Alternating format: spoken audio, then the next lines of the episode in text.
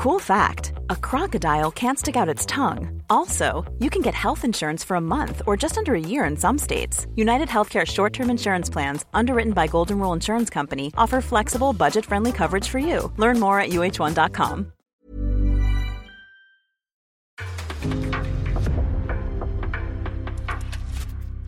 En podcast från Aftonbladet. Avsnittet presenteras av Stödlinjen.se, åldersgräns 18 år.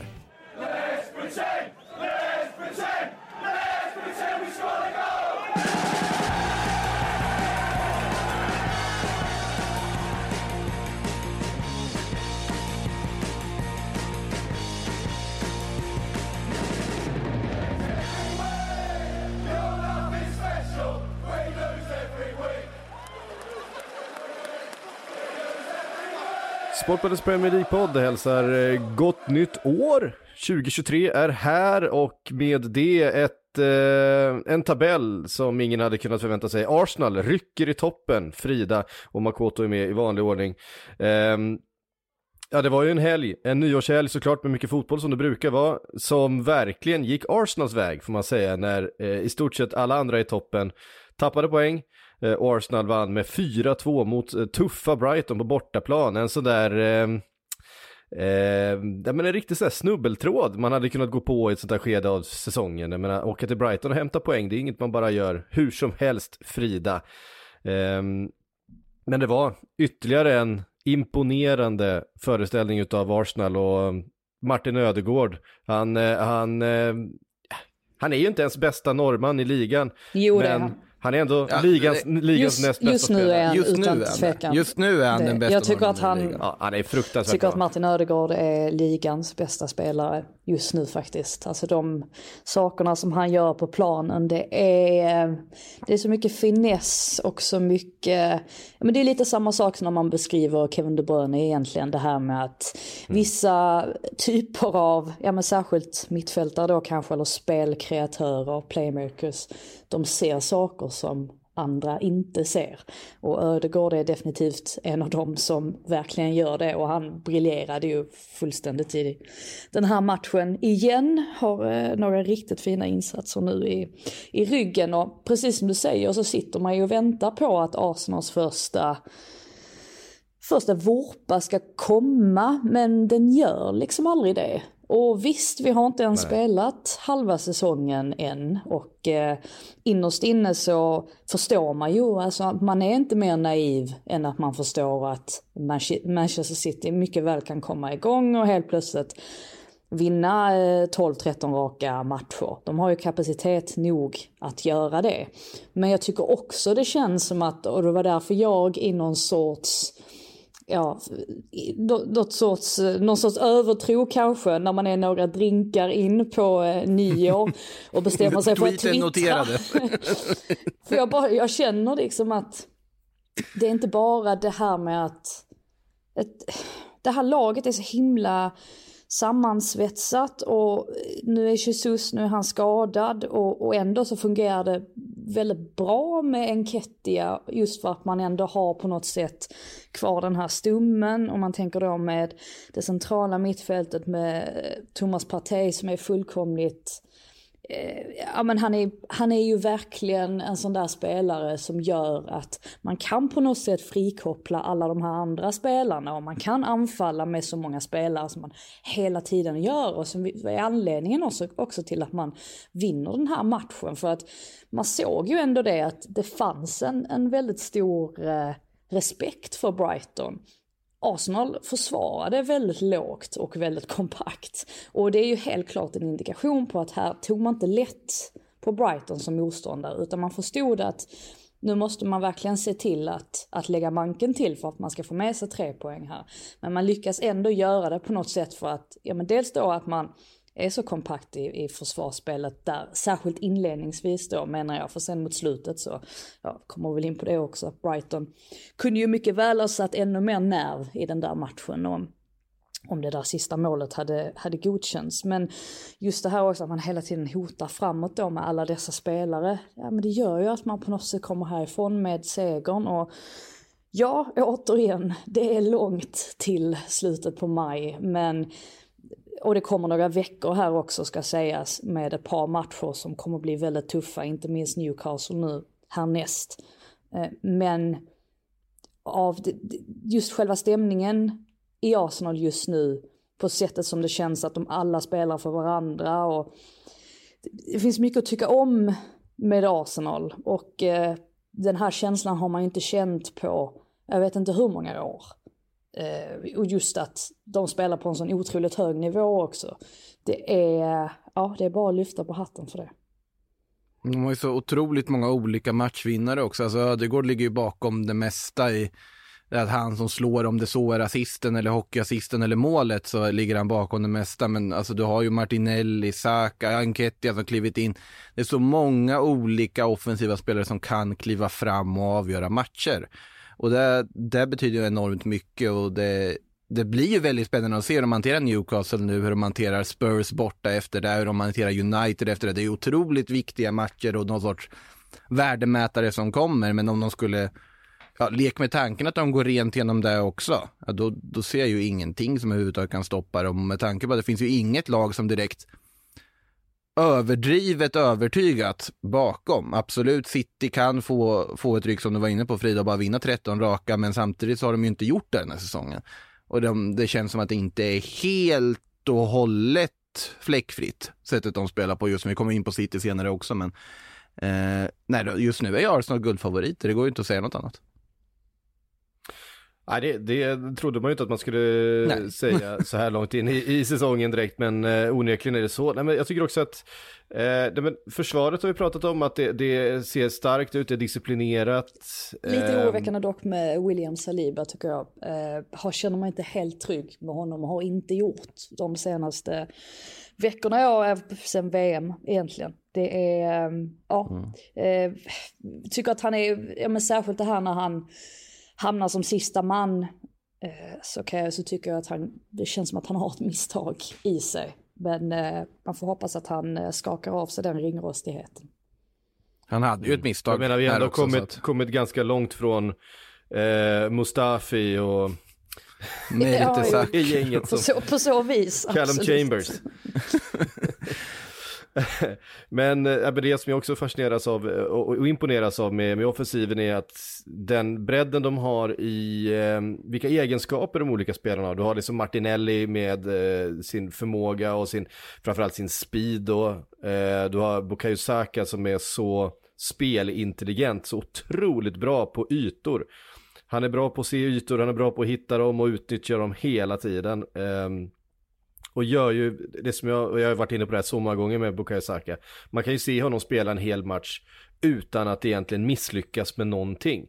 Det är klart, det blir inte alltid en avgörande passning, eller, men då har han lyckats liksom omvärdera sin aktion och hitta en annan lösning. Man ser honom liksom aldrig så här, tappa boll eller vara orsak till någonting, utan han, han kan verkligen gå en hel match med väldigt mycket boll och lyckas med allt han gör. Och det är liksom en sån där Eh, en egenskap hos en, hos en spelare som är så ovanlig, framförallt i en offensiv position där man ska spela med, med hög svårighetsgrad hela tiden. Och nyckeln blir ju också att hålla alla de här spelarna skadefria, för att börjar man få mm. en, två ytterligare skador då, förutom Jesus, alltså man tänker Saka just och Partey, då blir det ju på något sätt, ja då, då är det ju en helt annan situation helt plötsligt. Men kan man hålla alla de här spelarna skadefria, ja, men nog borde de kunna orka hela vägen då tycker man Mm. det här är ju ett läge att verkligen satsa i vinterfönstret för att se till att bredda de två alltså områden som, som är akuta. Och det är ju att få in någon mer offensiv spelare ifall att det skulle vara så att Saka eller Martinelli är borta. Eller, ja, eller till och med Enketia skulle bli skadad när man skulle hamna i ett sånt läge. Eh, och att ha en backup som faktiskt funkar till Chaka och eh, Partey i mitten. Det, det känns som att det här är ett läge att verkligen satsa för att göra det, för att de har ju skaffat sig ett helt otroligt bra utgångsläge nu. Um, säga någonting om Brighton också, jag vet att du ville säga något om Mittoma. ja men vad bra! Uh, Makoto, du sa det inför där. Uh, ja, han har ju varit, han har ju varit strålande sedan han fick uh, komma in under De Serbi här. Ja, nu har han äntligen också blivit mer än bara en super sub, för det är väl det han har utmärkt sig som innan, att både japanska landslaget, han, får, ja, han fick inte starta en enda match under VM, utan han kom ju alltid in och förändrade matchbilder, en klassisk slutelvan-spelare så att säga. Eh, och det var han ju i Brighton under hösten också när De Cherby gav honom chansen och han kom in. Då var det ju en spelare som kom in för att ändra matchbilder. Nu har han blivit ja, ganska gjuten i startelvan sen efter uppehållet och tagit chansen. Här gör han ju ett mål, jättefint mål och det, nästan det andra är nästan snyggare om det inte vore för att han hade någon häl offside där i situationen innan när han då rullade in ett 3-4 mål som inte, inte godkändes. Men han, han tar ju chansen onekligen. Han har ju väldigt fina egenskaper och ja, det blir väldigt spännande att följa honom under våren också. Väldigt kul att se här om inte annat. Mm. Vi konstaterar i alla fall att eh, Arsenal hakar av lite grann eh, Manchester City i toppen där. City som då bara fick eh, kryss mot Everton. Vi ska komma till den matchen, men vi ska stanna hos Londonklubbarna lite grann för att igår så spelade både eh, Tottenham och Chelsea och Ja, Chelsea fick med sig en poäng mot Forest och Spurs ingenting mot Aston Villa. Vi måste prata Tottenham eh, och Conte och vad det är som händer där för att det ser så vansinnigt blodfattigt ut. De fick ju en eh, fantastiskt bra start på den här säsongen. Men det är som att, ja men även före, eller före VM-uppehållet och sen nu efter, det, det är som att det inte, jag vet inte, det saknas verkligen någonting i det här laget och det är lite svårt att säga exakt vad det är. Men det ser bara blodfattigt ut på något sätt. Nu saknades det visserligen Dejan Kulusevski i den här matchen. Vilket märktes, eh, honom, ska ju säga. Ja, honom hade de verkligen, verkligen behövt för att eh, Schill som kom in gjorde ju verkligen ingen, eh, ingen lycklig. Men, men det är även så här, Harry Kane, har han ens bollen under första halvlek? Det är ju en spelare som verkligen måste vara involverad, som ska ner och hämta boll och liksom länka upp. Han är liksom inte där. Det är någonting i systemet som bara inte funkar just nu. Nej men så är det, man ska väl nämna också att Bentancourt eh, också är, är borta och mm. Bissouma har väl inte riktigt eh, tagit chansen sen han kom till Tottenham. Verkligen det var väl kanske inte heller den med facit, facit i hand. Så det, är ju, det var ju en jättebra värvning när den gjordes. Men det var kanske inte den profilen som just Tottenham behövde. Ehm, så att ja, där kan man ju ifrågasätta det lite. Antonio Conte han, han sågade ju allt och alla egentligen på sin presskonferens förutom spelarna. För de tog han i försvar. Och det kan man väl förstå kanske. Det är väl ingenting som blir bättre av att han ska ja, vända ryggen mot dem också. Men jag håller med, alltså det, är, det är någonting som inte känns eh, någonting som inte känns helt hundra och, och, frågan är då hur mycket ska man lägga det på, på Conte för att han är ju ändå tränaren och han väljer vilken formation som Tottenham ska spela och han vill ju spela på det här sättet men kanske är det så att man inte riktigt har materialet till att göra det just nu i alla fall. Ehm, ja, sen kan man ju fråga sig också vad Juris gör på det där första, första ja. målet. Här var det ju trots mm. allt Robin Olsen som lite oväntat vann målvaktskampen. Olsen har ju inte, mm. har inte sett superstabil ut nu när han har fått vakta målet i, istället för Emi Martinez. Och jag räknar med att Martinez kommer att stå i målet i, till nästa match igen. Men här var han i alla fall eh, snäppet eller betydligt bättre än, än Juris som då fumlade in den bollen. Och ja, vi har varit här för på något sätt med Tottenham. Vi har varit här rätt många gånger just det här med att de inte, ja men framförallt också att de inte kommer upp i nivå på hemmaplan och att de släpper in mycket mål också. De har alltså släppt in minst två mål de senaste sju matcherna om jag inte är, är helt snett på det. Och så kan det inte se ut heller. Alltså det känns ju som ett första steg bara att kunna täta till eh, defensiven. Så att avsaknad av kreativitet framåt och sen en slapp defensiv. Det är ju ingen, ingen jättebra formel får man ju säga. Alltså det, det är ju fascinerande, man, man var ju, såg ju liksom orosmoment i matchen här mot Brentford när de ja, gör som de har gjort under hösten också och bara vaskar en första halvlek men sen kommer tillbaka på något sätt. Här finns det ju inte en tillstymmelse till att ens försöka komma tillbaka. Det, det står ju bara helt still. Det är väldigt så, du nämnde Brian Schill med och det är ju väldigt sorgligt att se en sån, väl, egentligen väldigt fin spelare ha fullkomligt kollapsat i Spurs-tröjan som han har gjort och det har inte varit någon lyckad övergång för honom på något sätt och det var synd att han inte tog chansen här när han faktiskt fick den något överraskande. Men eh, alltså att Kane och Son inte funkar överhuvudtaget är ju högst alarmerande. Absolut, Dejan Kulusevski är jätteviktig för det här laget och han saknas. Men de ska ju kunna skapa mer än så även om inte han är där. Sen, sen mittfältet också, att det är väldigt tydligt att de saknar en någon form av passningsfot och någon form av kreativitet på något sätt. Någon ska luckra upp saker och göra grejer för att det är ju det som det som de verkligen lider av att inte ha på alla sätt och vis just nu. Men, men det ska ju inte få se ut på det här sättet som det gjorde i den här matchen på hemmaplan i ett sånt läge och sen eh, märktes det på Conte också efter att han visste inte riktigt vad. Det var väldigt så här, luddiga, alltså luddiga attacker mot lite allt möjligt tyckte jag det här snacket om att ja, vi kanske ska vara nöjda med en femteplats eller en sjätteplats eller sjundeplats eller ja, jag vet inte riktigt vad han var in, inne på riktigt, men någonting står i alla fall inte rätt till i Spurs just nu, det är ju helt uppenbart. Alltså problemet har väl varit också, alltså rent rekryteringsmässigt, att det inte har funnits mm. någon riktig plan de senaste åren. För att visst, man kan peka på att de fortfarande har kvar Kane och sån och det är ju jättebra, men det har ju tagit sån himla tid också att Eh, ja, men att försöka bygga om det här laget och hela den här eh, situationen man hade med kontrakten för inte jättemånga år sedan som också på något sätt kändes som att ja, men det gjorde att man, man haltade lite grann också, alltså när man behövde ta sig igenom hela den processen. Så att rent, alltså om man nu ska liksom titta utanför planen så finns det väl en hel del saker att ifrågasätta också där det inte har gått riktigt, eh, riktigt smidigt. Ehm, så i Contes fall att han gjorde ju nästan en liten Mourinho också får man säga i det här att han menade på att det var helt sensationellt att de plockade den här fjärde platsen till slut. Å andra sidan så har de ändå lyckats ligga där uppe de senaste säsongerna men det är kanske så att liksom, verkligheten börjar komma i på något sätt och nu får man väl försöka bestämma sig också för att Ja, men ska man gå Conte till mötes då och verkligen gå all in och, och, försöka ge honom ett par spelare nu för att han ska ja, komma på banan igen på något sätt eller att man ska se en, en ljus framtid för Tottenham. Det är ju också någonting, eh, någonting man måste bestämma sig över nu när man har kommit till det här. Det blir ju på något sätt ett nytt vägskäl.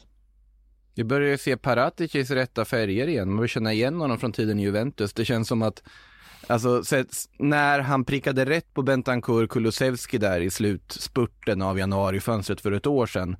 Då kändes det ju där och då som att han bara hade fullkomlig panik för att inte ha lyckats göra någonting under liksom, månaden innan. Sen prickar han ju perfekt på båda de värvningarna, på något sätt vinner sig tid och det finns någon form av tro på det här laget inför den här säsongen.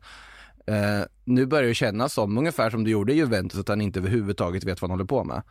Och att ja, det, det, det, är liksom oklart det mesta och titta på sommarvärvningarna. Är det någon som egentligen har varit riktigt lyckad?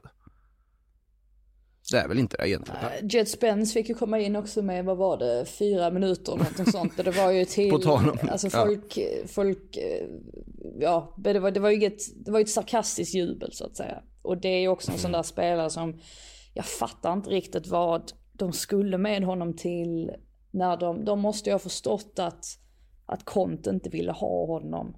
Eh, och jag säger inte, han är ju en ung kille fortfarande, vad är han, 22 eller någonting sånt. Så att han kan ju fortfarande få chansen att, att utvecklas och, och hela den biten. Men ja, det blir ju ändå lite konstigt om, ska man inte använda honom så är det, är det inte bättre att låna ut honom då eller göra någonting med det i alla fall. Nu får han spela ett par minuter här och där. Det känns inte riktigt som att det är lönt på något sätt.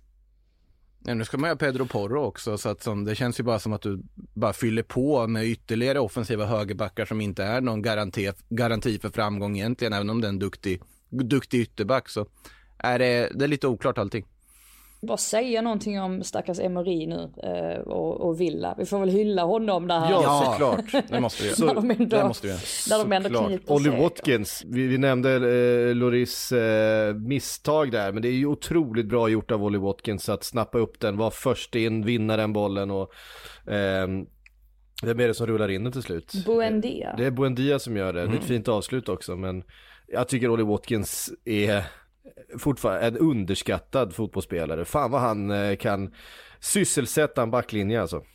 Ja, nej men verkligen, det kan han ju. Eh, och det har vi sett nu också, till och med när, alltså mot Liverpool.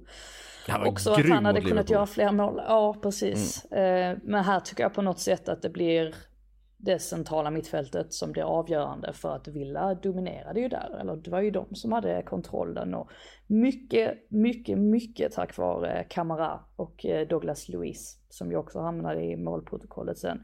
Eh, McGinn som fick kliva av, jag vet det såg lite oroväckande ut va, när han klev mm. av.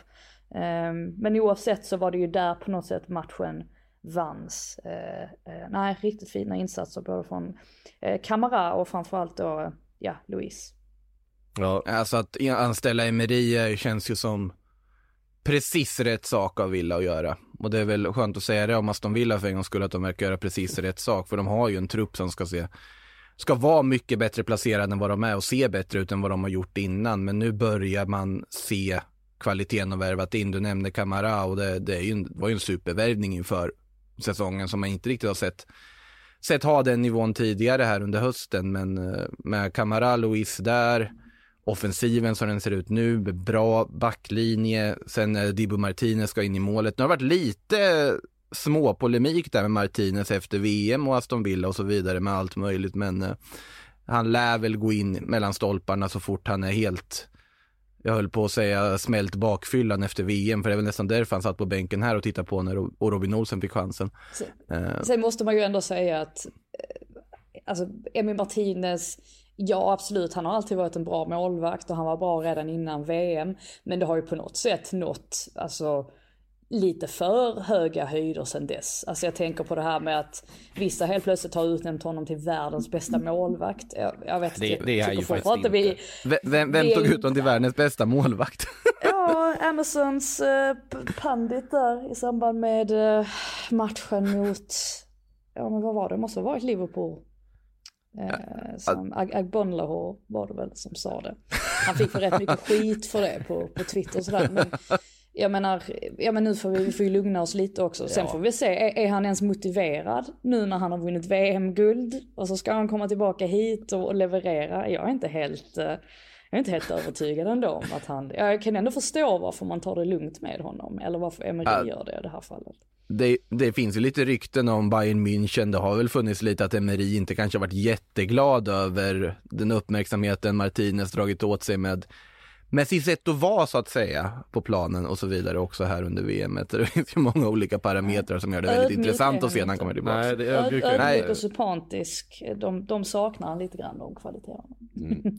Det känns ju som också att, eh, att eh, Emery är en tränare som verkligen vill ha den eh, mer så här, laglojala, eh, ödmjuka eh, spelartypen i sina lag. Det är lite så han, han själv är ju en väldigt, liksom, eh, ja men, artig och eh, ödmjuk och, och stillsam på något sätt. Eh, lite sådär Arsene Wenger typ mer än, än en Mourinho typ får man säga.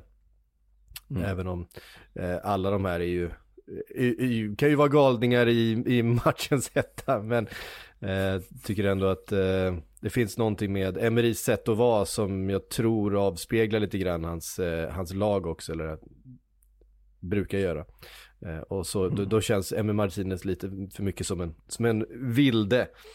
Eh, faktiskt, men, eh, men eller vad säger jag, Aston Villa ser ju otroligt mycket bättre ut nu än vad de gjorde eh, på slutet under Steven Gerrard i alla fall. Det känns som det finns en, det finns ju en, en, en spelidé här. Det finns ju en tanke och en plan mm. på hur man ska besegra motståndet hela tiden. Och det var ju tydligt hur effektivt de stängde ner Harry Kane till exempel och då hade ju Tottenham inget kvar att erbjuda egentligen i, i anfallsspel. Eh, Jättebra start efter återstarten här för Villa. Ja, och de var väldigt bra mot Liverpool också, även om de förlorade ja. den matchen. Eh, så skapade de mycket målchanser och, och, och såg väldigt fina ut. Eh, vidare till eh, Chelsea då som bara fick med sig eh, kryss borta mot eh, Nottingham Forest. Chelsea som har förtvivlat svårt med anfallsspelet, förtvivlat svårt att få eh, fart på det här maskineriet. Nu fick man ju drömstarten med eh, mål tidigt av Raheem Sterling men lyckas ändå inte eh, liksom kapitalisera på den framgången. Istället så är det, vem är det som gör målet för Nottingham Forest? Ja, det är Aurier av alla Ja, människor. det är Serge Aurier. Väldigt snyggt. Eh, just det, det var det faktiskt. Eh, och så blir det 1-1 och man lyckas inte få till den där forceringen även om man, eh, man försöker och Hakim Ziyech har några fina inlägg och så vidare men det, det, det saknas Eh, det är väldigt talande den där, han slår ett jättefint inlägg Ziyech och så kommer Aubameyang och så petar bollen precis så att, så att eh, Pulisic inte kan nå den på slutet. och kommer båda två på bortre stolpen. Eh, egentligen borde han bara släppt den till Pulisic så hade det nog stått 2-1 till Chelsea men eh, ja, det, det, är liksom, det stämmer inte för dem just nu. Och nu har man ju halkat efter lite grann i, i tabellen också. Eh, har ju några poäng upp och Eh, Eh, just nu då på en åttonde plats. Ska se, vad har man? Eh, sju poäng upp eh, till Manchester United på fjärde platsen. Ja, eh, och det går ju att ifrågasätta ja, men, vissa saker som Potter gör i den, den här matchen. Jag tyckte kanske inte riktigt att han fick rätt balans där mot, eh, mot slutet och det märks ju att alltså Thiago Silva är ju Eh, han är ju som han är, han, han håller en väldigt hög nivå och är, är jätteviktig för, för Chelsea. Men Koulibaly har ju inte alls haft samma typ av effekt. Eh, framförallt inte ja, den typen av effekt som man hade önskat kanske. Och det är väl också för att han, han känns lite aggressiv i fel lägen. Han har ju alltid varit en aggressiv spelartyp. Men jag tycker inte riktigt det passar i Premier League. Eller att han inte har lyckats anpassa sitt spel efter Premier League. Ehm, så att eh, det innebär ju också på något sätt att då behöver ju den här backlinjen, för Thiago Silva kan inte göra allting själv, så då behöver man ju bättre täckning. Jag tycker inte riktigt att man, tycker inte riktigt att de fick det. Eh, och där kanske man möjligtvis kan, ja, vara på Potter lite grann och, och mena liksom att han borde kunna få den balansen betydligt bättre. Men jag tycker ändå att det till syvende och sist handlar om att Chelsea väger alldeles för lätt. Och minns tillbaka till ett citat som Thomas Tuchel sa så sent som i augusti, just det här med att det är alldeles för enkelt att Ja men att, att mobba Chelsea, alltså det, det, är alldeles för enkelt att vinna, vinna dueller, det är, ja, det, det, är helt enkelt för enkelt att, att bara putta undan Chelsea och det är precis det som Forest gör i den här matchen. De är väldigt aggressiva. De har egentligen ingen tanke Mer än att, ja, att deras taktik är att fokusera på omställningar och det lyckas ju i slutändan. Och de får ju utdelning på det också, får med sig en jätteviktig poäng. Men på något sätt så tycker jag att det är Chelseas allra största problem och att det är ett problem som då har hängt med under väldigt lång tid. Att utan Reece James nu som är skadad igen så har de inte jättemånga spelare som, som är ja, men som är tunga och som faktiskt kan trycka till. Och eh, ja, det är ju verkligen någonting som Potter säkert sitter och tänker nu att ja, men hur ska vi lyckas åtgärda det och hur ska jag lyckas få balansen rätt och vilka spelare ska jag egentligen mönstra i den där anfallslinjen för att allting känns lite som att det är uppe i luften just nu. Eh, och man ser inte riktigt att Ja, alltså hur ska de lyckas ta sig ur det här? Det gäller väl kanske då att titta sig runt på transfermarknaden och så vidare. Men jag tycker att det handlar om ett attitydproblem, att, att det är någonting som behöver. Cool fact a crocodile can't stick out its tongue. Also, you can get health insurance for a month or just under a year in some states. United Healthcare short term insurance plans, underwritten by Golden Rule Insurance Company, offer flexible, budget friendly coverage for you. Learn more at uh1.com. Man vet ju fortfarande inte riktigt vad Potter vill här, alltså med det här laget. Det känns, man har inte överhuvudtaget lyckats sätta sin prägel på det. Absolut, det har väl mycket att göra med att han har haft ett material som inte han har varit med och tagit in. Det är ju bara, alltså sparkandet av Tuchel är fortfarande så otroligt underligt tajmat som de gör tycker jag. Eh, nu säger inte jag att jag tycker man ska kasta Graham Potter här rakt av, även om det ändå börjar tisslas och tasslas lite om att han inte sitter 100% säkert på den där posten och med, med tanke på resultaten. Men vi får väl se vad, eh, vad som händer. Men jag, det känns bara så liksom otydligt allting och att hur man kan ha spenderat så mycket pengar i somras och fortfarande sitta i ett läge där man egentligen ser förbättringspotential på varje position inför det här fönstret och det känns som att det hade varit logiskt att värva till princip varje position i det här fönstret. Gör det ju väldigt eh, alarmerande och jag, av Big Six-klubbarna så är ju Chelsea den som jag ser som är allra, allra längst ifrån att faktiskt kunna ta en topp 4-placering. Jag tror absolut inte att det känns det här blir en säsong när man bara får blicka mot nästa och hoppas på det bästa. Det är känslan i alla fall. Mm. faktiskt. Eh, vi tar oss vidare till eh, fredagen, Liverpool möter... Ska vi säga att Forrest såg bra ut för en gångs skull också och någorlunda synkade kan vi bara lägga till efter att ofta sågar de för att vara ganska osynkade. Ja, ja men det, väl, det börjar väl, de börjar väl lära känna varandra helt enkelt, den här främlingslegionen. typ det. Eh. Men de ska, de ska ju värva minst två till i det här fönstret ändå tydligen, så vi får väl se vad som händer sen då. Det är klart de ska. Eh, Li Liverpool tog emot Leicester, det var fredag kväll, det var Anfield, eh, det var hög stämning, men det var, det var ett Liverpool som kanske gör sin sämsta match på hela säsongen. Och det är, har man gjort ganska många dåliga matcher den här säsongen, men framförallt första halvlek var ju helt bedrövlig. Eh, ändå så vinner man eh, med 2-1 mot Leicester för att Leicester är, är på en plats just nu där man bara fortsätter lägga krokben för sig själv hela tiden. Wout Faes med två fenomenala självmål faktiskt får man säga. Ja, det är tur har ni i alla fall. Eh, Ja. Liverpool, det får man ju, det får man ju säga. Eh, lite frustrerande att se när man inte håller på dem. Men, eh, ja, det finns väl, det finns väl inte så mycket att säga egentligen mer än att jag tycker väl att det visar sig ganska tydligt där efter fyra minuter när Dewsbury Hall, när han drar in 1-0 till Leicester att där ser vi ju på något sätt Liverpools akilleshäl och det är väl det som lär förfölja Liverpool också resten av säsongen. Just hur att det, är, att det kan vara väldigt yrt där i försvaret och mm. Matip och van Dijk som hamnar fel och sen faktiskt så den första som jag liksom la märke till egentligen, eller förutom mittbackarna då, det var ju Hendersons agerande, att han inte droppar tillräckligt snabbt. Och då, det har väl varit också ett, ett problem att man inte riktigt har de mittfältarna som förstår att man måste droppa snabbt, att de måste bidra till, anf- till försvarsspelet på det Ja. sättet. Nej, men ett, eh, det stora problemet i den här matchen var ju så, såklart mittfältet. Fabinho som då var, var ledig, hans fru födde samma kväll tror jag. Ehm, så han var inte tillgänglig. Ehm, och där finns ju ingenting bakom Fabinho på den positionen. Vi har också sett Fabinho som har varit ganska formsvag under den här hösten och hur det har påverkat eh, laget. Och, och Henderson i den rollen. Han har, för några säsonger sedan så har han ju kunnat vikariera där och vara framgångsrik med, eh, som nummer sex. Men ju, nu så funkar det bara inte. Eh, det får ju också resultatet att, att Harvey Elliott kommer in till höger i mittfältet.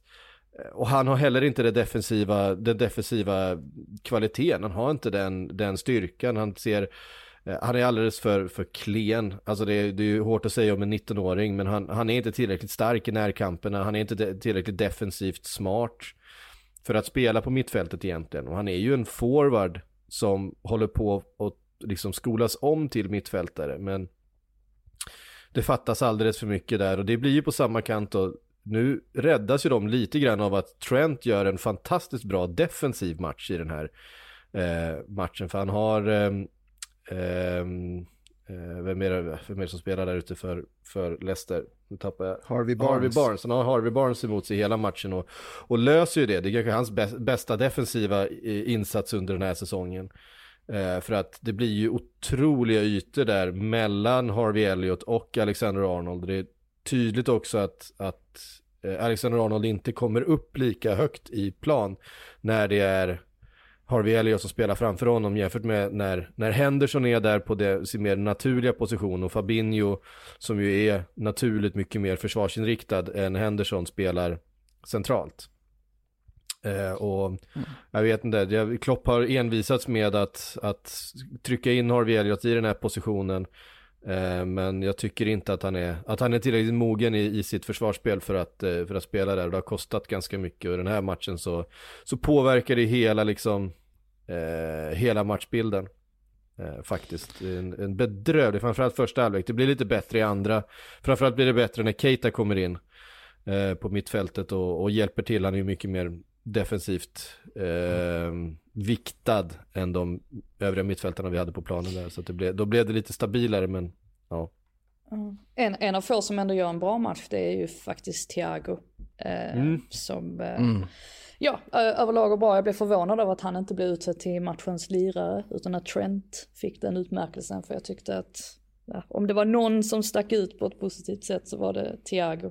Även om som du säger Alexander Arnold gjorde en fullgod defensiv insats. Eh, mm. Men i Leicesters fall så det är klart att man kan peka och skratta på Face och han har ju Ja han har ju otur ju eh, två gånger om där och det är ju en sån där grej som Ja det är ju bara hjärnsläpp. Alltså första, första är ju så oturligt så att eh, ja, det, det, går inte att säga så mycket om det. Andra gången är det ju, det, det är ett hjärnsläpp. Men jag landar ändå i att Danny Ward på något sätt är den felande länken i det här. Jag tycker det känns som att spelarna eller hans medspelare inte litar på honom. Och det är därför de gör såna här saker som att försöka rensa bollen när Ward då uppenbarligen skriker att han är med på den. Det hände inte bara med Face alltså, och, med, och vid första målet där utan det var även någon situation med Amartey och det var någon annan gång också. Eh, jag tror inte att de känner sig riktigt stabila med Ward och jag klandrar inte dem heller för att han är en av de sämre målvakterna i, i Premier League, helt klart. Eh, så det är ju det är många bitar på något sätt i Leicester som, som inte riktigt, eh, ja där, där det inte finns någon riktig stabilitet. Och eh, ja, det är väl därför de förlorar den här matchen också trots att de definitivt borde ha fått med sig någonting. De ja, borde ha tagit chansen nu när Liverpool var helt av det. Ja, fast Leicester var ju inte bra heller får man säga. Liverpool var dåliga men Leicester var inte speciellt bra heller och skapar ju ganska lite målchanser eh, själva. De tar ju verkligen inte chansen. Det, det var ju två dåliga lag som möttes, verkligen. Man märkte ju, märkte ju på Ward också, för att han tyckte om frustrationen där, när, alltså det är ju ett helt fantastiskt avslut, stolpe in för övrigt, men alltså om det var frustration på FAS eller frustration på liksom livet i allmänhet eller vad det var. Men man märkte att han var väldigt frustrerad i alla fall på att ja, FAS bara rensade fast han bara skulle plockat den där. Och sen, sen tycker jag ändå att det är våghalsigt som sagt. Det är ju hjärnsläpp på andra självmålet. Men att han ändå tänker i det läget, ja, men vi, vi försöker dra den över eget mål efter att ha gjort ett självmål sju minuter innan. Mm. Jag tror han kommer nog inte göra samma sak nästa gång han hamnar i en sån situation om mot förmodan det skulle dyka upp i alla fall. Och jag tycker, jag tycker återigen att Ward, alltså han, han, han tar fel beslut vid alltså det andra målet. Just att han, jag fattar inte varför han, ska, varför han kliver ut i den situationen. Varför, varför, varför avvaktar han inte lite mer för att göra det? Jag tycker bara att oh, det, det märks att det är någonting som inte riktigt, uh, ja det, det klickar inte riktigt där bak. Och det måste det göra om Leicester ska lyckas. Jag tror inte de åker ur men att hålla på att släppa in sådana här enkla mål och självmål och grejer, det är, det är ju inte hållbart i längden. Nej. Darwin kommer ju ändå missa så det är lika bra att bara stå kvar och vara redo på ja. returen. Darwin som för övrigt var jättebra igen tycker jag. Ja, ja exakt, han var, men han var ja, ju sig själv igen. synd om honom att den, att den bollen inte fick då eh, studsa stolpe in istället för att, eh, nu blev det ju mål till slut men han, det hade varit, varit bra för självförtroendet. Det var, det var någon som beskrev honom, det, han har ju jämförts med Håland mycket men han är ju egentligen den raka motsatsen. Han gör svinmycket i spelet hela tiden och springer överallt men gör inga mål. Medan Håland kan gå en hel match och röra bollen tre gånger och göra tre mål. Eh, Gjorde han bara ett dock? Han är som en inverterad Håland. Eh, eh, men eh, ja, det är det där, det där mittfältet för, för Liverpool som behöver adresseras. Vi får väl se ifall det händer någonting under, under transferfönstret här i januari. Eh, det känns som att man har man lägger alla äggen i, i Bellingham-korgen till sommaren här och eventuellt försöker rida ut den här säsongen och, och klamra sig till en, eh, till en Champions League-plats. Vi får väl se. Man kanske borde rädda Thielemans från sin väldigt uh, diffusa situation i Leicester. Ja, alltså jag tror att ja, hans kontrakt går ju ut i sommar. Det ser inte ut som en, en spelare som, som eh, trivs med tillvaron just nu. Han är nog rätt sugen på att lämna det här eh, sjunkande skeppet Leicester.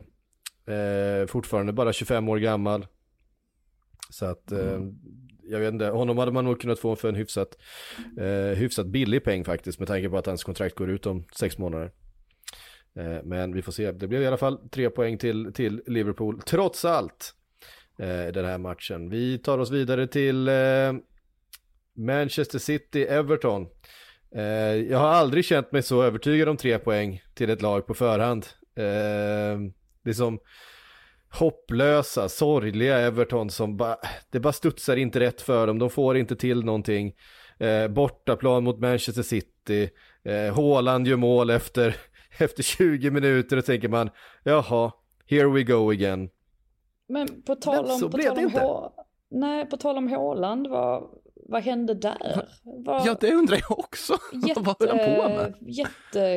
Jättekonstigt tänkte jag säga rakt igenom. Det var att han lät sig, han blev så himla påverkad av Godfrey och cred till Godfrey för att han är ju en av få försvarare som faktiskt har tagit kampen och på något sätt ändå lyckats mot Haaland. Alltså, Ja. eh, för han fick ju honom ur balans, Verkligen. helt klart. Han Otroliga var ju scener. helt ur balans. Ja, Han var helt ur balans. Jag förstod ingenting heller. Alltså det, man har inte sett Haaland tappa det på det här sättet som man gjorde egentligen under hela den här matchen. Nej, han- det var ju... Han brukar vara stencool vanligtvis, men eh, inte här. Utan han, eh, han lät sig påverkas där av Evertons väldigt kompakta fembackslinje. Och Manchester City har ju haft problem med att bryta ner sådana där lågt stående fembackslinjer förr. Ja, och har haft problem med Everton förr ska vi säga. För just Mm. Everton har tagit en hel del poäng av Manchester City de senaste säsongerna. Ja, Ja. lite revansch där efter den uteblivna straffen får man ju säga. Eh, Att de fick, eh, om ni minns den, eh, som ju helt, ja, helt Ja. klart var en straff men som man inte fick med sig. Ja, som avgjorde ligan förra säsongen. Ja. Men är, är det något sådant, alltså jag fick, jag fick en sån här vibbar av uh, Matadoren i tjuren Ferdinand av Haaland här på något sätt. Att han första hemmamatchen på länge inför ett uh, kokande Etihad Stadium. Han vill bara liksom visa publiken vad han kan och sen så kommer Godfrey och en trebackslinje på något sätt. Och, ja, han gör ju ett mål men man märkte också när han firar det här målet att det var ju, ja. Han verkade ju superfrustrerad och jag vet inte riktigt vad det var för någonting och om man tänker Everton som frustrerad, som sagt, då är det ju tänkt på att det är typ Jeremina som varit på plan och satt griller i huvudet på Håland, men det var det ju inte heller utan det var ju, ja det var Godfrey och gänget. Godfrey är ju en speciell, en speciell, en speciell snubbe alltså. Det är ju en, det är en kille med väldigt stort självförtroende. Eh, som ju gärna ser sig själv på den här nivån. Jag menar, han är en sån som, som älskar den här kampen mot liksom den bästa i världen. Det är ju där han ser sig själv och vill vara.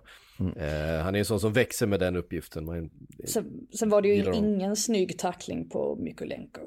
Eh, Den eh, luktar ju annan färg, Mm. om du säger så. Ja, han var som sagt, han var helt ur balans, eh, Haaland. Och eh, det visade sig också på något sätt i resultatet, just det här med att Everton ändå får med sig en poäng trots att de inte skapar någonting i stort sett. Och eh, jättefint avslut från Gray. Eh, som ju faktiskt var bra i den här matchen. Jag tyckte ändå att eh, Everton de försökte ju de gångerna de fick tag i bollen så försökte de ju ändå ställa om snabbt. Och där är ändå lite, och, lite att hämta i det där laget. Jag tycker framförallt inställningsmässigt att de rätt ofta visar bra attityd. Alltså de har inte spelarmaterialet egentligen. De har alltså ingen, ingen bredd på truppen men att de rätt ofta jobbar väldigt hårt och, och så. Det känns ju lite som Evertons signum generellt. Och det är ju, indikerar ju också att de på något sätt fortfarande har förtroende för Frank Lampard för annars hade de ju inte kämpat på det viset. Så att ändå ett, ett steg i rätt riktning för Everton. Ja, och viktiga poäng, alltså den där, de där kryssen mot topplagen är ju jätteviktiga poäng i, i bottenstriden där eh, såklart Everton är, är indraget i allra högsta grad. Eh, vi tar oss då eh, vidare därifrån, nu ska vi se, vart var vi någonstans? Eh, Kanske till United. Ja, precis. Det var dit vi skulle. Eh, Manchester United som hade en eh, lite frustrerande första halvlek mot eh, Wolverhampton. Men sen klev han fram igen, som han gör nu för tiden. Marcus Rashford eh, har verkligen, han, han tar vara på det där utrymmet som har bildats i, eh, i Cristiano Ronaldos eh, frånvaro. måste- Han lär nog ställa trippla larm framöver dock. Ja, jag tänkte precis säga, han måste bli bättre på att ställa klockan. Eh, det är lite kul också att Ten Hag, att han liksom deklarerade, det blev ganska dramatiskt att säga sådär, åh, interna, disciplinära, Disciplinära skäl. skäl, ja. Ja, och sen så ville han inte säga det heller i intervjuerna efter matchen, ah, it's between Marcus and me. Och sen så säger Rashford det själv, ah, jag glömde, att- jag vaknade och sen så somnade jag om igen och så glömde jag ställa ett nytt alarm. Att han bara säger det så rakt ut, det, det spelar ju på något sätt helt, alltså det spelar ner hela, hela händelsen och man förstår att okej, ja men en sån där grej kan ju ändå hända den, den bästa. Samtidigt så kan jag tycka att det är rätt bra av Ten Hag. Visst, hade de förlorat eller tappat poäng i den här matchen så hade man ju kanske, eller han hade kanske blivit ifrågasatt då för varför startar du inte din, din mest formstarka spelare för, ja, från start trots att han då har kommit för sent. Men på något sätt så visar det ju också att lite grann som med Arteta i Arsenal att Ten Hag är en väldigt disciplinerad man och han vill ha saker på sitt vis och han vill att man respekterar tider och jag tror på något sätt att det kan vara bra för en grupp att veta vart man har sin tränare och att det är verkligen no nonsense att här kan man inte komma eh, för sent och man måste respektera alla regler så att jag tror på något sätt att eh, de kommer vinna mer av det här eller att han kommer vinna ganska mycket på att eh, han har den inställningen som tränare. Han får ju rätt effekt av det som sagt. Han kom, man byter ju faktiskt in Rashford tidigt också. Det är bara att han inte får starta och så tackar han ju ändå förtroendet och kommer in och, och avgör den här matchen. Så att eh, det vart ju, vart ju rätt i slutändan ändå. Det blev det. Eh, och igen, viktiga poänger nu. Eh, Manchester United hade ju en tung start på säsongen, eh, men har verkligen kommit igång. Jag tycker de ser, eh, ser tunga ut nu på det där sättet som man, som man förväntar sig eh, Manchester United ska göra, men som de kanske inte alltid har gjort de senaste säsongerna. Men nu ser de eh, genuina ut med eh, Casemiro, Christian Eriksen, Eh, Marcus Rashford och hans målfarlighet, de har ju en boll inne som eh, vinkas av för en väldigt knapp offside. Nej, det är hans. Eh, hans. Den, den studsade in på, på Rashfords hand, det gjorde ju Ten Hag rasande. Eh, men jag menar, regler är regler.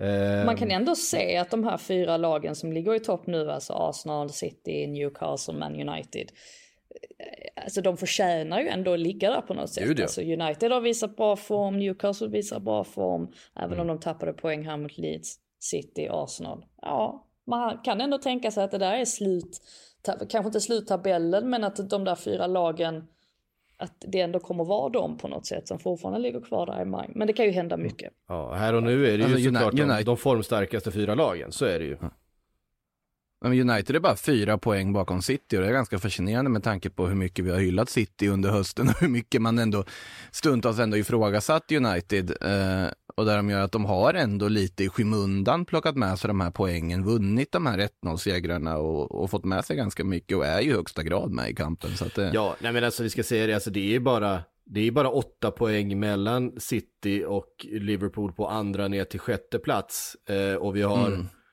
Ja hur många matcher är det? 23 matcher kvar att spela av säsongen. Det är enormt mycket kvar, så att det, det kommer hända mycket där tror jag. Och det, eh, varenda sån här trepoängare nu, nu har vi Arsenal Newcastle i, imorgon här. Det är en, eh, en oerhört viktig match för Newcastle fick bara med sig en poäng då, fast eh, de hade eh, mycket utav spelet verkligen Ja. eh, i sin eh, match mot eh, Leeds. Ehm, ja, de dominerade, eh, skapade målchanser, men ibland är det så att bollen bara inte går in va? Ja, precis 16, 16 avslut eh, totalt. Men ja, man får hylla Leeds också på något sätt att de ändå lyckats, lyckats hålla ihop det här och få med sig den där poängen. För att de är ju också på något sätt inblandade i den där bottenstriden. Så att eh, en poäng här kommer att bli värdefull antagligen. Eller det är ju, är ju värdefullt med alla poäng man lyckas plocka. Men ja, Newcastle kommer ju gräma sig att de inte lyckades få in, eh, få in det där målet. Eh, ja, de har ju som sagt sina, sina lägen och chanser. Melier som gör en alldeles strålande match här också. Han ger ju och tar, så att säga. Den unge målvakten. Eh, här, här, här tar han ju det mesta, kan man väl lugnt säga. Jag noterar också att Mark Rocca faktiskt var bänkad från start här, men fick komma in i halvtid. Jag bara förmodar att det var av rotationsskäl och inte en petning. Och eh, förutsätter det till nästa match från, från Jesse Mars sida. Ja, det får man ju anta. Och, nej, men det, det kändes verkligen så här, Newcastle, de har som sagt de har 16 avslut, visserligen bara 5 på mål, men eh, en eh, XG som eh, jag inte har framför mig nu, men som var betydligt högre än Leeds och en XG som, eh, som normalt sett ger 3 poäng. Men eh, som sagt, så här kan det ju liksom bli ibland att bollen bara inte vill in. Eh, det blir en helt annan uppgift då mot, eh, mot Arsenal imorgon. Vi har varit inne på att det går trögt för många av London-klubbarna. Eh, Tottenham och Chelsea inte minst, men trögast går det nog för West Ham ändå. Eh, 0-2 mot Brentford eh, och nu måste väl David Moyes hänga lite löst, får man anta. Ja, jag, jag tror väl det. Man har inte hört så mycket än så länge, alltså rapporter om att, om att han skulle, om att han skulle hänga löst. Men det är ju någonting som inte fungerar i det där eh, bygget just nu. Det är ju en sak att förlora mot Arsenal. Men man kan ju inte riktigt förlora mot Brentford. Det visar ju på något sätt att man...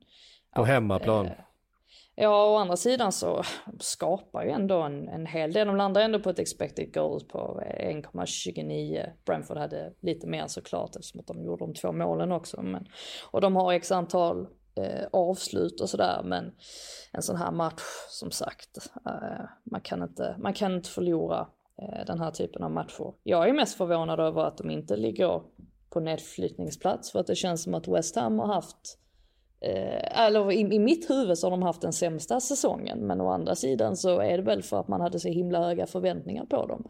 Och att de faktiskt skulle ja, men fortsätta ligga ganska högt uppe som att de hade i stort sett samma samma, eh, ja, men samma lag och Declan Rice var fortfarande kvar. Men nej, de har inte alls fått utdelning så här långt. Nej, det är oerhört jämnt. Tony. Måste jag säga, Ivan Tony, alltså avgörande för Brentford igen också. Ja. Eh, de, de sitter nog ändå ganska nervöst i Brentford och väntar in svaret på den här utredningen mot honom angående eh, brott mot då FAs regler för betting och så vidare som Tony då misstänks för. Det kan ju göra att de hamnar i ett läge där de verkligen måste få in en forward och illa kvickt i januari om det skulle vara så att Tony skulle få en avstängning. Mm. För han är ju otroligt viktig för det här Brentford kan man väl lugnt säga. Brentford på övre halvan nu då. Eh, 23 poäng, ligger på tionde plats. Eh, mitt emellan Brighton och Crystal Palace. Eh, är imponerande faktiskt att de fortsätter eh, göra det de gör med tanke på att de kom upp för första gången i, i, i Premier League då eh, förra säsongen. Eh, visst var det första säsongen? Ja, det var första. Ja. Eh, förra alltså? Ja, förra ja. ja. Vi ska säga någonting om Southampton Fulham också då. Southampton eh, som eh, ligger tvär sist i ligan. Eller ja, tvär sist. Det är en poäng upp till Wolves, men de ligger sist i alla fall eh, i, i, ligan. Och eh, ja, man har chansat med den här unga tränaren. Man har en väldigt ung, ung trupp. Det känns nästan som att eh, någonting måste hända här i januarifönstret om vi inte ska börja räkna in Southampton i, i Championship eh, nästa säsong. Jag vet inte, jag, jag, ser inte riktigt vägen fram med, med den här tränaren och det här materialet eh, faktiskt. Nej, alltså dels så är de ju usla på att försvara fasta situationer och det visar sig inte minst i den här matchen. Men sen är det väl också för att ja, men man tittar vad de har där fram och då är det Che Adams, fortfarande. Eh, man har ju egentligen inte haft någon riktig striker sen Danny Ings. Eh, visst, alltså Broja, han var ju där förra säsongen men nu är han ju tillbaka i, i, i Chelsea. Ehm, så att det är väldigt lite att ta av och man kan inte riktigt säga att Southampton kommer öppna plånboken nu i januari och spendera en massa pengar för det är inte så de gör utan de plockar in unga spelare och försöker göra det bästa ut, utav dem. Men jag tycker ju fortfarande det är oroväckande för Southamptons del, eller i alla fall för Nathan Jones del, att spelarna fortfarande riktigt verkar greppa vad han vill göra. Så att, nej, det, jag börjar känna att eh, Southampton, precis som du säger, kommer att spela i Championship nästa mm. säsong. Fulham och andra... De, de, måste... Ja, jag skulle bara ja. komma in på Fulham här. Eh, vi har pratat om Londonlag som har gått dåligt, eh, men Fulham gör ju en, en dundersäsong så här långt. Lite i skymundan just nu då före Chelsea på bättre målskillnad på eh, sjunde platsen där, men visserligen med en match mer spelad. Men eh, det var ju ett lag som jag inte hade förväntat mig skulle eh, knappt Eh, ligga över nedflyttningsstrecket under den här eh, säsongen. Men det, där har man ju blivit motbevisad, minst sagt. Det är ju dags att eh, lyfta Palinja som en av sommarfönstrets absolut bästa värvningar i alla fall, kan jag säga. Eh, inte bara för att han gör målet här som ger dem segern, men för alltså, sättet han har stabiliserat hela det här mittfältet, det lugnet han och Reed har ju funkat klockrent i den här i den där mittfältstvåan där bakom då den mer offensiva trion de har framför sig med eh, Pereira i mitten också. Är jättefint. Sommarnyförvärv och sen Mitrovic som ja, till och med i det här läget alltså har råd att bränna en straff och de tar ändå tre poäng. Och det säger väl en del om alltså stabiliteten rakt igenom i det här fullan som är otroligt imponerande. Kul ändå att eh, Marco Silva har fått lite upprättelse här med, eh, med det här fullen. Jävla kanongubbe Marco Silva. eh, det vet vi ju, det är ju sen gammalt. Ja. Eh, ja men jättefint och en jättefin säsong för Fulham och det är ju inget lag som vill möta Fulham just nu med tanke på allt de, eh, de lyckas med, och med Mitrovic i form där fram. Eh, en match kvar va? Det är matchen mellan Crystal Palace och Bournemouth. Palace som ju kom från den där ja, snöpliga förlusten men de hade dubbla utvisningar då. Så ingen riktig Eh, ingen riktigt klockren uppladdning inför den här matchen. Däremot så blir det tre poäng efter mål av eh, Jordan Ayew som ju gör färre mål än vad man tror att han gör. Eh, här gjorde han i alla fall ett och eh, Eberechi Itse Eh, vilket konstigt uttal det namnet. Etze. Vad hände där? Um, inte för att jag uttalar alla namn rätt, men uh, jag har aldrig hört den versionen. Nej, det vart, vart bara galet. Uh, nej, men Crystal Palace som uh, är där någonstans på mitten, de ligger 11 just nu och det är där vi förväntar oss att de ska vara va? Uh, Bournemouth har några poäng ner till strecket nu, bara två faktiskt ner till Nottingham Forest just nu så att de är också i allra högsta grad indragna där i, i bottenstriden. Eh, och där, där tror vi väl att de kommer befinna sig resten ja, av den här säsongen lite, också. Ja, de känns lite, börjar, börjar tröttna lite nu, Bournemouth. De hade ju en period där, där de mm. såg ganska starka ut, men man kände väl hela tiden att alltså, själva kvaliteten på truppen bör ju inte räcka särskilt långt och nu visar de ju på något sätt sina, sina rätta färger här lite grann. Mm. Eh, lite skönt också för Vera som beskrev Palace förlust mot Fulham där på Boxing Day som en av hans värsta dagar sedan han anlände. Så att uh, han var väl antagligen lättad att de uh, lyckades, ja, lyckades ta den här segern i alla fall på bortaplan också. Um, så att det var viktiga, viktiga tre poäng för dem för att Palace har inte riktigt övertygat och Vira har inte riktigt övertygat i sina laguttagningar sättet Nej. som han har ställt upp laget på. Så att det här behövde de allihop definitivt. Det är väldigt spännande att se vad Bournemouth gör nu också med uh, nytt ägarskap och en hel del pengar att spendera med ja, Foley där som tagit över uh, Vegas Golden Knights-ägaren. Uh, så det lär väl kunna spenderas med tanke på att de inte spenderade särskilt mycket i somras och har på pappret den klart sämsta truppen i ligan. Mm. Det är därför man var imponerad av vad de gjorde under hösten också, men nu är det ju läge för dem att kanske ge sig ut på marknaden och bygga upp den här truppen till att ändå se någorlunda nära ut resten av eh, ligan. För jag tycker att den är, på pappret har den varit den klart sämsta och mest intetsägande truppen de har haft i alla fall. Ja, med tanke på hur mycket formsvaga lag det finns och, och lag med problem, alltså med eh, eh Southampton, med Nottingham Forest, även om de kanske såg lite mer eh, samspelta mm. ut den här gången. Eh, och West Ham och Everton och så vidare så, så finns ju möjligheten för ett Bournemouth att faktiskt hänga kvar om man gör rätt investering här. Eh, men eh, den där, det kändes som att Philip Billing och eh, Dominic Solanke spelade lite över sin förmåga under några omgångar där i höstas. Eh, vi har fått lite frågor också, vi kastar in dem. Eh, här är ett förslag från Peter. Varför byter inte bara Moyes och Rogers plats? alla skulle må bra av det. Ja, jag håller, jag håller faktiskt med. Det ju, Leicester behöver ju David Moyes och, West Ham behöver ju Brendan Rodgers, så att, eh, jag tycker vi kör på det. Ja, för ibland behöver man ju faktiskt bara en, alltså man kan fortfarande vara en bra tränare, det är bara det att man har gjort, man har nått mm. vägs ände på något sätt i, i det bygget som man har.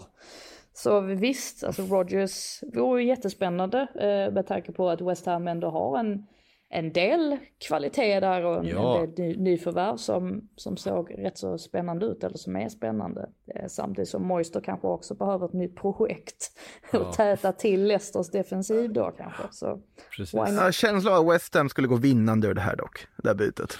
Men det, Brendan Rodgers känns ju som en tränare som hade kunnat få ut väldigt mycket ur en sån här spelare som Paketa. Det känns som en Brendan Rodgers ja, men, typ. ur ett West Ham, de, det här materialet de har skulle Rodgers kunna få ganska mycket. Vad Moy skulle kunna göra med Leicester med den oklara truppsituation de har, det är jag mer osäker på.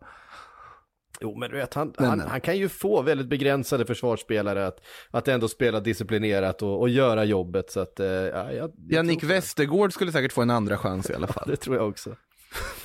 eh, Henrik Larsson skriver, eh, scenario, ni är sportchefer för Newcastle. För att behålla Champions League-platsen måste ni värva. Vilka tar ni in och varför? Eh, det där är, tycker jag är lite, Eh, det är lite tudelat för att på ett sätt har man ju en grupp här nu som uppenbarligen funkar väldigt, väldigt bra.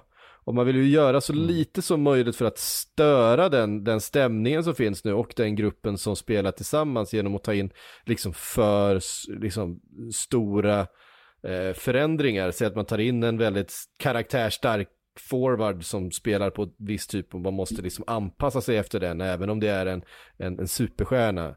Eh, jag vet inte vem det skulle vara eh, här och nu men, ja, men säg att man tar in Joao Felix så kanske man måste förändra sitt, sitt, eh, sitt spel lite grann för att få in den spelaren på ett bra sätt och det tror jag skulle kunna rubba den här dynamiken som finns just nu så att jag tror man ska vara ganska försiktig faktiskt i det här januarifönstret. Alltså Det nu beror handlar, lite, ja. ja, nu handlar det väl framförallt om att, ja, men, om att bredda truppen, alltså se till så att man har backups. Och om man nu liksom vill på sikt blanda sig i titelstriden och sådär. Så måste man ju på något sätt, då måste man ha en trupp som kan klara av det ifall man åker på några skador och så. Så jag tycker nog inte det handlar om att Newcastle ska göra något, någonting radikalt utan bara se till att man på något sätt ja, men håller sig på banan här och, och fortsätter plocka in spelare som ja, men på sikt kan eh, göra jättemycket nytta i truppen. Jag tycker mer att det, det är ett sånt förnuftigt tänk man borde ha här, mer än någonting annat. Alltså det är synd för Newcastle tycker jag att Paquetá redan har gått i West Ham, för jag tycker, tror att han skulle varit helt perfekt på det där mittfältet. Eh, men, men jag håller med dig, de har ju en jätteväl fungerande startelva. Sen är lite frågan, om man då var sportchef för Newcastle hade man väl haft lite bättre koll på den exakta prognosen för spelare som Alexander Isak och Callum Wilson. Eh, för jag tycker inte riktigt det håller med Chris Wood på topp, med all respekt till Chris Wood. Och med tanke på vad Atletico kräver för ett lån av Joao Felix och hur, hur det är så att de andra toppklubbarna som jagar honom egentligen inte vill betala de där 240 miljonerna som kommer krävas för att ha honom på ett halvår. För Newcastles del som har obegränsade resurser hade det inte varit helt korkat att bara gå in och säga men vi tar honom ett halvår då i det här läget och se vad som händer. Om man nu skulle vara, om Felix överhuvudtaget skulle kunna tänka sig den flytten. Men det är Så det är ju lite sådär, ja det är lite sådär, se vad som händer. Det, det är liksom, det är det Newcastle inte får göra. De måste ju bara ha ambitionen att det som händer är det precis det som händer just nu. Att det ska se så likadant ut som det bara går, för så de har liksom fått till den här balansen. Så jag, Jag undrar, Ja. hur mycket, jag undrar hur mycket de har gått för men så Enzo Fernandes nu som är i Europa till exempel. Alltså hur, är inte det en sån spelare egentligen som man hade kunnat, ja men han har ju framtiden för sig och det känns ju rätt perfekt för, för Newcastle på det sättet. Och särskilt då att man, ja jag vet inte, där ihop med- Howe spelade ju ner Enzo ganska rejält väl när han fick frågan om det ändå, för de var väl intresserade men att de inte riktigt där kan konkurrera kanske just nu. Nej, Och jag tror inte att de vill, de vill inte gå in och lägga 1,3 miljarder på en spelare. Här. Nej, nej, det, det, är sånt Chelsea gör i det här läget, Ja, i panik. Som Chelsea är de som kommer eh, signa den spelaren. De behöver, de behöver få in lite, eh, lite syre i det där, eh, på det där mittfältet, verkligen. Alltså det är en helt fantastisk spelare och ett löfte och absolut, Benfica köpte honom för ett rejält överpris från River Plate, förvånansvärt överpris. Men att han ska ha gått upp i värde med alltså tio gånger så mycket som han kostade för ett halvår sedan, det, ja, det är ett sanslöst överpris i alla fall om, de, om man nu skulle gå igenom och betala det som Benfica kräver. Som de gör helt rätt i att kräva i det här vinterfönstret. Så att, Och sen är det ja, väl blir också spännande. snack om Jorginho där, att han då ska gå till Newcastle i, Mm. i sommar. Och det är väl i så fall, det är väl möjligtvis en bra, ett bra backup alternativ. För att jag tycker att Jorginho har tappat väldigt mycket eh, nu på relativt kort tid. Men eh, om man nu pratar om att man ska bredda truppen så är det kanske inte helt, eh, helt ologiskt. Vi har fått en Försöker de på en N'Golo Kanté? Jag har inte, jag har inte sett någonting om det. Men, Nej, inte jag eh, heller, men det, det var en väldigt Nej. rimlig värvning för dem. Jo, jo, på ett sätt. Sen vet jag att han kanske vill hem till Frankrike igen. Jag vet inte alls hur han, eh, hur han själv tänker. Barcelona det mest sen är, han pratats ju, om. sen är han ju skadebenägen. Eh, Jag kan tänka mig att det inte Mm. är sådär jättemånga som vill ta chansen. Och han vill säkert ha ett långt kontrakt också. För att eh, annars hade han väl kanske stannat i, i Chelsea. Så att ehm, ja, det är väl många sådana parametrar som spelar in där. Madison ska vi inte räkna bort när det kommer till Newcastle, ska man bara nämna i alla fall, eller att de försöker ännu en gång om de vill ha in en annan typ av mittfältare till uppsättningen de har där. Vi har fått en fråga angående, eller angående Joe Felix från August. Eh, är det värt 21 miljoner euro August. för ett, Jaha, på Twitter? Eh, förlåt, förlåt jag, jag fattade inte att det var ett namn. Eh, fortsätt. att August var ett namn? Jag trodde att du läste August, alltså att du läste, ja. Jaha. Ja, ja, månaden. Nu. Ehm, nej men han undrar ifall det är värt de pengarna, om det finns någon klubb lånet passar bättre än Arsenal. Eh, jag tycker så här att för Arsenal del så, så man skulle aldrig ta ett sånt här lån utan att ha någon slags köpoption.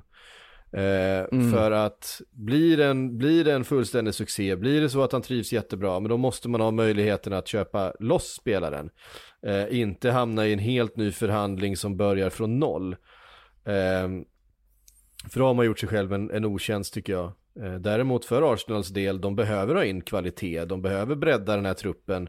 Eh, man ska på sikt konkurrera med till exempel Manchester City, även då måste du ha världsklass eh, på fler än 11 spelare så att säga. Ehm, och ehm, um, Jean Felix skulle absolut kunna vara den spelaren om det funkar, om det finns en bra roll, om det liksom eh, man trivs med livet i London och så vidare. Ehm, så att ska man låna in Joao Felix då tror, tycker jag att det är ett, ett krav nästan att det ska finnas en någon slags köpoption. Eh. Alltså jag håller, håller helt med på, alltså man jämför med när de lånade in Ödegård så fanns ju inte det. Men där hade man, alltså stjärnorna stod rätt för Arsenal i faktumet att Ödegård insåg att han inte kommer att kunna konkurrera i Real Madrid. Han ville tillbaka till Arsenal, han trivdes så pass bra och det gick att genomföra en övergång. För Real Madrid är ganska lätta att förhandla med väl när en spelare inte vill vara kvar där. Eh, I Atleticos fall så är det en helt annan sak för att de, de, de vill väl egentligen se Joao Felix alltså briljera och blomma ut i Atletico-tröjan. Men inser att situationen här och nu är ohållbar. Om han skulle göra succé i Arsenal nu, då kommer de kräva väldigt mycket pengar. Så att absolut så, det borde ligga i, om det finns en köpoption i avtalet, någon form av option, då tycker jag att det är absolut värt att lägga de pengarna som det skulle kosta att låna in honom. Mm. Ja, Grejen om det inte finns någon köpoption då kan ju också jag menar Newcastle eller eh, Manchester City eller eh, Liverpool eller någon annan dyka upp och lägga sig i förhandlingarna i sommar om han gör en supersuccé och verkar trivas i England och funka och, och så vidare. Ehm, så att, Då ska de ha en enorm tro på att miljön i Arsenal är så pass attraktiv att Joao Felix bara kommer bestämma sig för att jag vill tillbaka dit, punkt. Men det är lite chansning att göra också. ja, så är det. Vi har fler matcher ikväll, eh, ja om bara, ja vad blir det, sju, åtta timmar. Eh, inte ens det, sex timmar. Så eh, spelar eh, Liverpool mot Brentford och sen så har vi full omgång då imorgon och på onsdag. Eh, med då supermötet eh, Arsenal New, Newcastle där vi kommer få eventuellt då en hel del eh, svar på vart klubbarna står eh, i förhållande till varandra. Sen så har vi också eh, fin, fint möte mellan eh, Chelsea och Manchester City som blir väldigt intressant. Det är torsdagsmatch det. Ehm, och sen så eh, blickar vi framåt. Sen är det FA-cup va? Eh, Ja, till, eh, Det är FA Cup i helgen. det är bara en sån sak. Vi är i alla fall tillbaks eh, härifrån nästa vecka igen. Då ska vi summera allt som har hänt härifrån till dess. Men vi säger eh, gott nytt år igen då och på återhörande.